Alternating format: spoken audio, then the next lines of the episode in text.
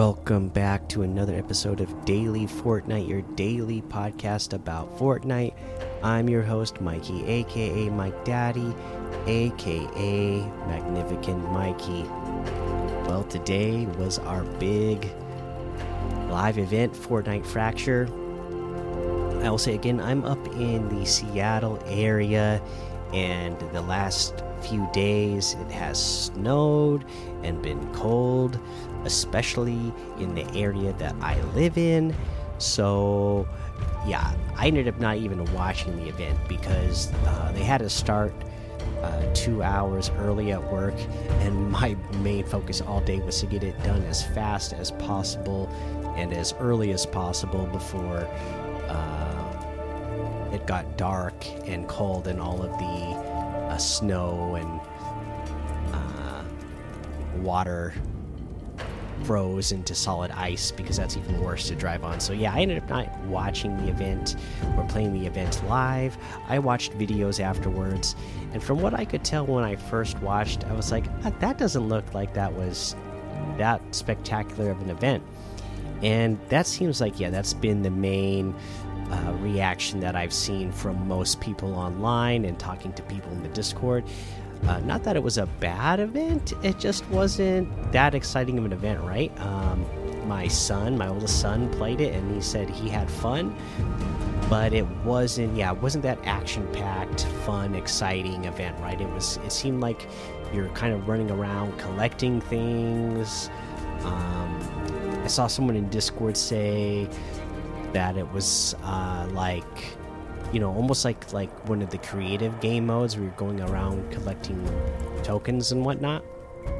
So, yeah, this is not. You know, the the last live event we had was you know a lot of action, a lot of uh, fun.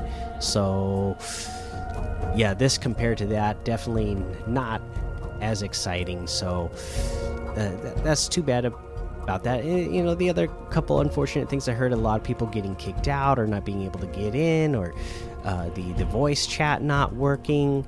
Yeah, that's a, that's a, a big bummer, especially since they were advertising before the event, like, hey, you know, you can squad up for this event.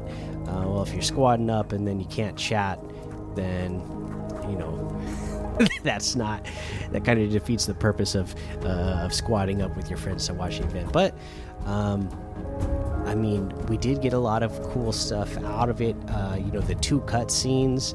You had a cut scene in the beginning and the cut scene at the end. They those were both really cool, and the uh, reveal of the map somewhat uh, was pretty cool to see the map being formed together.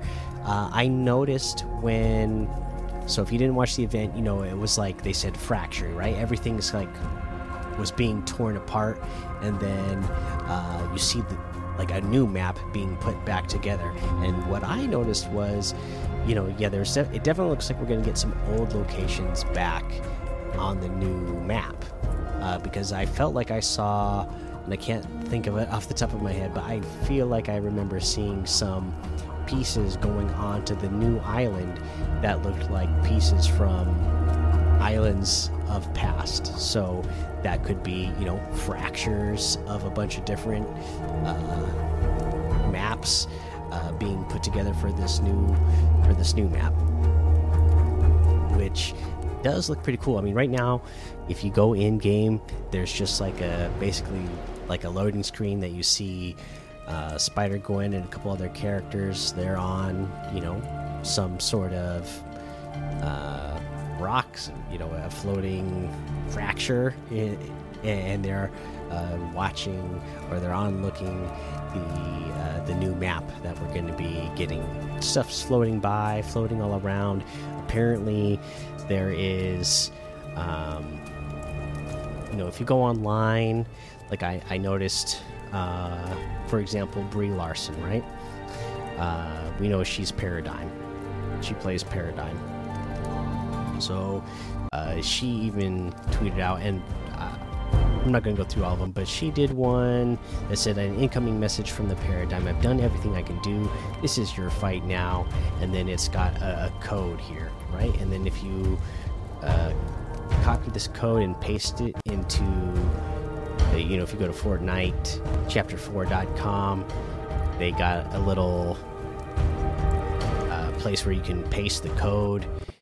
Uh, and then it's going to show you a new item. So when I look at this code, it looks like it is, uh, you know, going to be a new skin in the battle pass, as, as far as I can tell. But I know there's other codes that have been put out there that um, are showing new items and new um, weapons for the new season upcoming. So, you know, at least they're making a fun little uh, interactive thing that we got going on here. But yeah, I mean, other than that, there's not really any news. Uh, no official word on when this is going live. I'm guessing it's going to go live.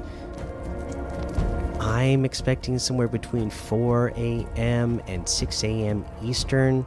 No reason other than there is the live trailer that is going up on their YouTube channel at midnight my time, so Pacific time. So that'd be what, 3 Eastern? So 3 Eastern, the uh, trailer is going live, and it's usually within a couple of hours of a trailer going live that the new season is downloadable and then playable. So that's what I'm guessing. Uh, who really knows? I just know I'll be excited to wake up in the morning and play the new chapter and new season. Already got plans to hang out and play it with my kids, so I'm excited about that.